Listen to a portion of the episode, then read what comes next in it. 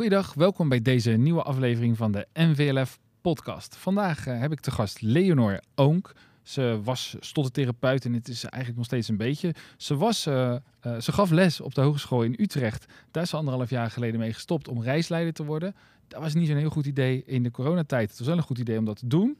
Maar daardoor had ze wel lekker veel tijd om te werken aan de nieuwe richtlijn stotteren bij kinderen, adolescenten en volwassenen. Ehm, en de vraag welke er dan nog meer zijn qua menssoorten, ehm, die eh, behandelen we onder andere. Maar ook eh, eh, hoe kun je een psycholoog aansluiten bij je therapie en allerlei andere zaken rondom stotteren die jullie al lang wisten, maar ik nog niet. Ehm, het is een leuk gesprek, want ik heb het al gevoerd. Veel plezier met deze podcast.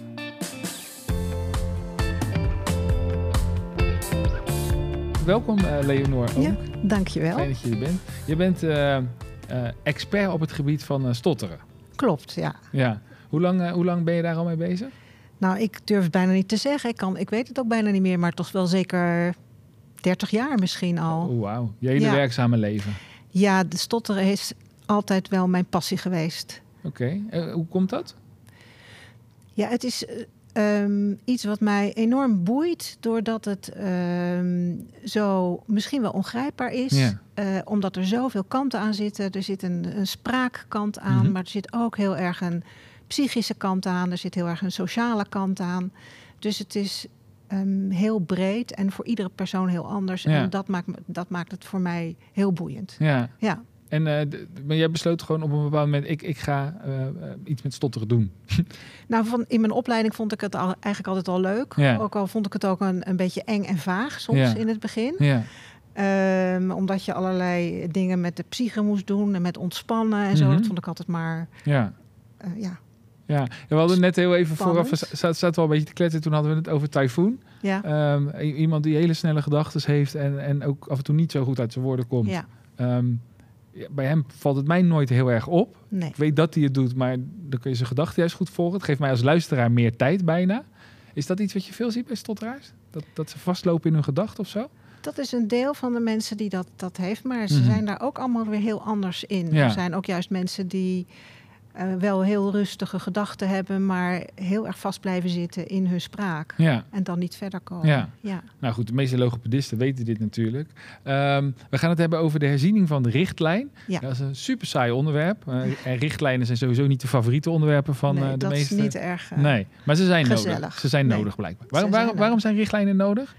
Nou, ze zijn nodig omdat, om te beginnen, we willen graag handelen volgens de re- meest recente inzichten. Mhm. En eh, de logopedisten kunnen niet allemaal alle artikelen gaan lezen om te kijken wat de meest recente inzichten Nee, zijn. precies. Dus je helpt iedereen eh, met gewoon, waar staan we nu, wat weten Ja. we en wat is onze, hoe moeten we het best handelen. Oké. En de, de, de herziening is eh, van 2019. En de richtlijn was van 2014. Klopt. Heb ik opgeschreven. Heel goed. Dus, Iedere eh, vijf jaar ja, oh, dat- moet je dat in principe automatisch. kijken. Ben ik even benieuwd, want we hadden net, begonnen het gesprek, toen zei je eh, d- 30 jaar ge- eh, geleden ongeveer. Wat is de grootste verandering eh, qua inzicht? Als je dat, het is eh, misschien een hele lastige vraag, maar eh, wat is nu echt anders dan 30 jaar geleden? Oké, nou, wat echt anders is, is dat we toen zeiden: als een kind gaat stotteren, wacht maar gewoon. Het gaat allemaal vanzelf wel over. Ah. Zeg er niks over. Luister gewoon naar wat hij zegt. En dan komt het allemaal wel goed. Ja, En nu zeggen we: als een kind gaat stotteren, ehm, begin ook als het kind jong is en het kind heeft er last van. Begin met een therapie. En we Mhm. hebben ook therapieën die werken. Ah. En dat is voor mij wel het hele gro- echte grote verschil. ja. Ja. en dan ben je er dus ook veel sneller vanaf. Of je kunt er veel sneller mee leren leven. Je kunt het bij jonge kinderen echt het stotteren helemaal wegkrijgen. Dus dat is dan niet mee leren leven, maar Ja. echt Ja.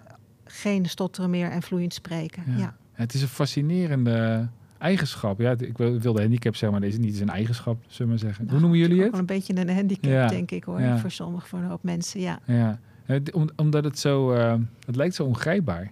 Ja, Ja. En het valt heel erg op. Als je praat tenminste. Ja zeker. Ja. Nou, laat, laten we dan even beginnen met de richtlijn. Dan komen Ja. we straks vast nog wel op eh, andere dingen ook. Wat, ehm, eh, even kijken. Hij is, oh ja, dit vond ik mooi. Even over richtlijnen. Hij heet officieel de richtlijn stotteren bij kinderen, adolescenten en volwassenen. Toen dacht ik, hm, wat bestaat er nog meer dan? Ja, ja, ik vind dat een hele goede opmerking Ja. eigenlijk. Want je kunt inderdaad net zo goed zeggen richtlijn stotteren. Maar Ja. ik, ik, denk die groepen worden genoemd omdat het vaak een andere aanpak heeft. Bij Mhm. kinderen is het net weer iets anders dan Ja. bij adolescenten en volwassenen. Alhoewel Ja. adolescenten en volwassenen ook vaak weer heel erg overeenkomen. Het Dus zijn eigenlijk gewoon drie hoofdstukken in de richtlijn. mm, er zijn ja, bij ieder hoofdstuk, er zijn verschillende hoofdstukken, Ja. verschillende uitgangsvragen voor, Ja. voor, voor deze groepen. Ja. Ja. Nee, dat is natuurlijk een hele voor de hand liggende vraag die ik gelijk heb. Wat is veranderd in de afgelopen vijf jaar? Ja. Want dat is volgens mij ook waar de luisteraars eh, benieuwd naar zijn. Ja. Eh, nou, er is, er is niet idioot veel veranderd. Mhm. Wat we in ieder geval gedaan hebben, is de richtlijn veel helderder opgeschreven, Ja. korter gemaakt en leesbaarder. Mhm. Ehm, en we hebben de aanbevelingen ook hopelijk, maar ik denk dat dat wel gelukt is, helderder gemaakt. Daar waar ze misschien af en toe eh, moeilijk leesbaar waren. Ehm, en wat we ook gedaan hebben, we zijn, er zijn een aantal dingen die zijn wel echt anders. Bijvoorbeeld eh, wat we anders hebben is, er zijn duidelijke aanbevelingen over dat de omgeving betrokken moet worden bij de behandeling van Mhm. kinderen, maar ook bij volwassenen en adolescenten dus. Ja, ja, ja. ja, allemaal. Ja, ja. allemaal. Ja, precies. Eh, dus daar staat nu echt een duidelijke aanbeveling voor dat je niet eh, het kind behandelt in je kamer alleen eh, met de ouders op de gang, maar dat je echt de omgeving betrekt en niet alleen maar ouders, maar ook oma, opa, oppas enzovoort. wel- welke rol kunnen zij hebben dan in, in zo'n proces? Ja, je moet je voorstellen dat eh, het spreken iets is wat je in je omgeving doet. Ja, je Eh, praat tegen je anderen. praat tegen Ja. anderen. En eh, de dingen die, eh, ja, waar, waar aandacht aan besteed moet worden... eh, dat moet dus ook overal om je Mhm. heen gebeuren. En niet alleen maar in een hele beperkte situatie. Ja, want, want is het bijvoorbeeld het, het corrigeren van een stotteraar, is dat iets wat in zo'n richtlijn staat? Ik, bedoel, ik probeer maar, ik, ik heb zelf twee kinderen, Ja. dus ik weet dat niet. Maar stel dat een van mijn kinderen stottert, mag ik hem dan helpen? Is dat... ja, nee, dat staat dus niet in de nee, richtlijn. nee. De Oké. richtlijn er staat wel in bijvoorbeeld eh, welke therapie je moet geven. Mhm. Of, of je wel of niet adviezen aan ouders moet geven. Maar welke adviezen je dan moet geven, Ja. dat staat er dan niet in. Ah, oké. Snap je? Ja, Want dat, dat is dan eigenlijk de programma's en de expertise van de logopedist. Maar stel, eh, je hebt een kind wat net gaat stotteren. Mhm. Nou, dan is altijd een van de belangrijke vragen: moet ik wel of niet gaan behandelen? ja. En want heel veel kinderen die gaan stotteren, ja, daar gaat vanzelf weer over. Ja. Dat, is, dat Ja, zeiden we vroeger. Maar dat 30 is ook geleden, vaak ja, wel zo. Hè? Dat is niet, geen, niet helemaal Nee. onzin. Nee. Maar je wilt, ja, je wilt niet gaan behandelen als het over kan gaan. En Nee. je wilt niet, Niet Eh, behandelen. niet behandelen als je denkt... ja, maar dit kind heeft er echt last van. Of we kunnen het herstel versnellen. En dat eh, geeft heel veel minder, eh, ja, minder problematiek en minder verdriet. Ja. Is, het- is het ook, heb je even... Nou goed, het is meer mijn eigen interesse. Dus eh, sorry logopedisten als, als jullie dit allemaal al weten. Maar ik wil het nu toch even weten. Ik heb Ja. een expert tegenover me. De- heb je verschillende soorten stotteren? Want ik heb wel eens het idee dat sommige mensen zo enthousiast zijn over iets wat ze willen vertellen. Dat ze daardoor blijven hangen. Eh, een vriend van mij heeft dat. Ehm, en, en dat zie ik ook een beetje bij Typhoon dan bijvoorbeeld, voor mijn gevoel. Maar je hebt ook mensen die, die gewoon de hele tijd eh, overal in vast blijven hangen. Is dat, heeft dat een andere oorzaak? Dat is wel een hele moeilijke vraag Ja, wat je weet ik. Ja, want het is leuk. inderdaad, het stotteren is heel eh, complex. En het Mhm. is een hele eh, heterogene groep. Ja. En we hebben ook wel een groep, dat noemen we de broddelstotteraars. Mhm. En Mooi. broddelen is dat je heel vaak heel snel spreekt, en heel enthousiast bent en ehm, slordig spreekt en over je woorden gaat struikelen. En Mhm. daar hoort vaak ook stotteren bij. Ja. Ja. Ehm, dat zou je kunnen zien als een hele andere groep dan bijvoorbeeld hele introverte mensen Ja, ja. die heel verlegen zijn en die ook last hebben van stotteren, maar daar dan weer heel anders op reageren. dan krijg je een heel ander Ja. beeld. Ja. En of de oorzaak nou precies hetzelfde is, ja. In de hersenen vind je wel bij de groep mensen die stottert bepaalde eh, verschillen met mensen Mhm. die niet stotteren. Ja. Maar ja, je hebt altijd dan weer een, een deel van zo'n groep die dat dan weer niet heeft. Ja, ja. Hè? Dus dat is altijd heel lastig. Ja. Ik vind het interessant, want ehm, ik, ik heb vrij goede spiegelneuronen. En op het moment dat we over stotteren praten, merk ik al dat ik echt op moet gaan letten dat ik niet ga stotteren. Dat is echt heel, ja. En ook als ik met een stotteraar praat, dan moet ik echt, eh, moet ik de hele tijd mezelf aan herinneren dat ik niet stotter. Ja. Dat is ook heel moeilijk voor mensen die hebben gestotterd en dan met een stotteraar in gesprek komen. Die gaan dan ineens ook weer heel erg stotteren. Ja. Oh, wat is menselijk brein toch een interessant... Ja, eh, ingewikkeld, hè? Ja. Ja. ja, Goh. En eh, eh, zo'n richtlijn, zo'n proces, met, met hoeveel mensen hebben jullie, die dan, hebben jullie daar nu aan gewerkt? Ehm, God, dat zou ik even moeten tellen. Maar Ja, ik, ik, een stuk of 19, denk Echt? ik, hebben we daaraan zitten Zo- werken. Is dat zo'n grote groep? Het is een grote groep. Wauw. Het zijn zeven hoofdstukken. We hebben de hoofdstukken verdeeld. Ja. Dus eh, een groepje mensen was verantwoordelijk voor een, een hoofdstuk of twee hoofdstukken. En dan is het de oude richtlijn erbij pakken, doorlezen, kijken, dit klopt nog, dit klopt niet meer. Ja, we hebben ook een enquête gehouden onder de logopedisten en de stottertherapeuten... om Ja. te vragen van wat vinden jullie van de huidige richtlijn? Ja. Wat werkt wel, wat werkt niet? Ja. Waar heb je last van? Eh, Ja. eh, wat begrijp je niet? En dat hebben we natuurlijk ook meegenomen in onze herziening. Oké, Ja. lachen. Hoe, hoe lang ben je daar dan mee bezig met zo'n proces? Nou, we hebben het eigenlijk best wel snel gedaan. Ja. We hebben eh, drie kwart jaar zijn we ermee bezig. Nou, misschien wel ja, drie kwart jaar. Oh, nou, Ja. dat vind ik best wel lang. Vind je dat lang? Dat is Ja, hartstikke maar- snel hoor. Ik ben improvisatiecabaretier van huis uit. Bij mij duurt een proces nooit langer dan een uur. Oké. Hey, en ehm, eh, dus het is, het is nu af. Wat, wat, wat, we hebben het er al een klein beetje over gehad inhoudelijk, maar wat, wat staat er nog meer in? Wat, Ja, want als we het nu benoemen, dan hoeven ze hem niet meer te lezen. Dat is ook, dan besparen we weer Nee, tijd. ze moeten hem wel lezen. wel Met name lezen. de aanbevelingen, want die moeten ze ook gaan opvolgen. Ah, heel goed. Ehm, ja, nou, ik denk dat een van de dingen waar mensen misschien blij mee zouden zullen zijn, wat we veranderd hebben, is in de vorige richtlijn stond dat een stukje nazorg, wat belangrijk is, omdat heel veel mensen heel goed uit therapie komen, maar Mhm. dan vervolgens toch weer terugvallen. Oh ja. Dus die nazorg is heel belangrijk.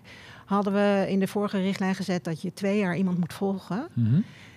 En dat, werd, dat kregen we ook terug. Dat was best wel lang. Ja. En niet iedereen wil ook twee jaar gevolgd worden. Nee. Nee, dus we hebben, dat hebben we nu echt veranderd. En we hebben meer gezegd van ehm, de regie moet ook liggen bij de persoon zelf. Ja. Hoe lang wil jij nog contact houden met de logopedist? Ja. En eh, we hebben een eh, preventie-nazorgplan eh, bedacht. En daar staan ook echt een aantal voorbeelden van. Van hoe doe je dat dan? Samen Ja. zo'n nazorgplan opstellen. Ja. En dat we dan veel meer op maat en veel meer de regie bij de persoon die Ja. stottert zelf. Ja. Dat, dat vind ik wel een, eh, een hele mooie verandering in onze richtlijn. Oké.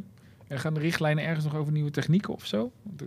Toevallig hebben we het daar in een andere podcast ook een keer over gehad. Ja, nee, helaas. Nee? Is, is er al, want dan kunnen we daar, is, zijn er eh, eh, online stottertherapieën? Er zijn online stottertherapieën, er zijn ook apparaten die je helpen om vloeiend te spreken. Oké. Dingetjes die in je oor hangt. Ehm, maar de, de ervaring die daar uit onderzoek komt, Mhm. want dat, wij kijken natuurlijk naar het onderzoek, niet Ja. alleen maar naar ervaringen, maar ook naar onderzoek, Mhm. blijkt dat dat allemaal helpt, Ja, maar eventjes. ja, ja. Oké. En dat het je dus kan helpen in je therapie Ja. als iemand heel erg stottert om een gevoel van vloeiende spraak te krijgen en die Mhm. vloeiende spraak op te bouwen, maar dat je uiteindelijk toch verder moet zonder die apparaten. Ja. Uiteindelijk zal het dan een, een, een, eh, een- ja, samenwerking... Het is altijd een samenwerking tussen techniek en, eh, en eh, de therapeut. Ik ben benieuwd of daar over vijf jaar eh, iets eh, in de richtlijn staat. Ja, het zou wel geweldig zijn als er iets is wat mensen eh, ja, vrij eenvoudig kan helpen om Ja. makkelijker te spreken. Ja. Ja. Ja, wat ik het meest fascinerend vind, maar daar hadden we het straks voordat we gingen opnemen ook heel even over. Dat zijn inderdaad zangers, muzikanten die dan echt bijna niet kunnen praten en dan zingen en dan is het in één keer helemaal goed. Ik blijf dat zo wonderlijk vinden. Ja, Ja, Het grappige is dat je dat ook met bijvoorbeeld de ziekte van Parkinson hebt. Hè? Dat je Mhm. mensen hebt die eh, heel moeilijk eh, kunnen lopen of moeilijk op gang kunnen krijgen. Maar als je een ritme van buitenaf aanbrengt of als je... eh, dan gaat het wel. En het is- wordt ook nog wel gekeken dat het hetzelfde soort proces is in de hersenen. Hmm. dat, het met elkaar te maken zou dat, kunnen hebben. Dat het met elkaar te maken Ja. heeft. Dat er dus... Zijn er aanwijzingen dat, dat de stotteraars ook bijvoorbeeld gevoeliger zijn voor andere ziektes? Voor andere aandoeningen? Nee. Nee. Er zijn wel aandoeningen waarbij stotteren vaker voorkomt. Ja, ja. Maar Nee. nee. Oké. Nou, ja, ik weet eigenlijk wel wat ik wilde weten. Heb jij je verteld wat, eh, wat de logopedisten moeten weten? Want dat is natuurlijk veel belangrijker. Nee, ik wil eigenlijk nog wel wat, wat, wat Ja, vertellen. tuurlijk. Ik wil eigenlijk ook vertellen dat we in de richtlijn, eh, de nieuwe richtlijn, heel erg gezocht hebben naar hoe de logopedist kan samenwerken met de psycholoog. Mhm. Omdat ehm, heel veel van het stotterprobleem zit ook in, eh, in psychologische processen. Ja. Hè? Mensen worden bang om te praten. Eh, mensen gaan verwachten van, oh god, hier komt een moeilijke letter, nu kan ik het niet zeggen. En Oh ja. daardoor gaan ze vastzitten. Ja. Dus ehm, mensen ontwikkelen een zelfbeeld doordat ze als kind bijvoorbeeld geplaagd Mhm. zijn. Ehm, en het gevoel hebben gehad dat ze niet uit hun woorden konden komen. Dus die psychologische processen zijn heel erg belangrijk bij het in stand blijven van stotteren. Ja, En logopedisten zijn toch niet altijd toegerust om dat ook te begeleiden. nee. Ehm, dus we, we hebben eigenlijk een voorzet gedaan om die samenwerking met die psycholoog eh, te stimuleren. Mhm. En daar ook voorbeelden gegeven van, goh, wat kan je nou verwachten van een psycholoog? En ja, de aanbeveling is ook, zoek, zoek ook echt die samenwerking Ja. in je omgeving op. Ja, klinkt heel logisch. Ja. Ja. Ik moest ineens denken, je had het over zelfbeeld. Ik zag van de week een filmpje van Joe Biden, Mhm. de democratische presidentskandidaat, die hopelijk de nieuwe president van de Verenigde Staten gaat worden. Mhm. Dat weten we nog niet. Maar die eh, schijnt vroeger heel erg gestotterd te hebben.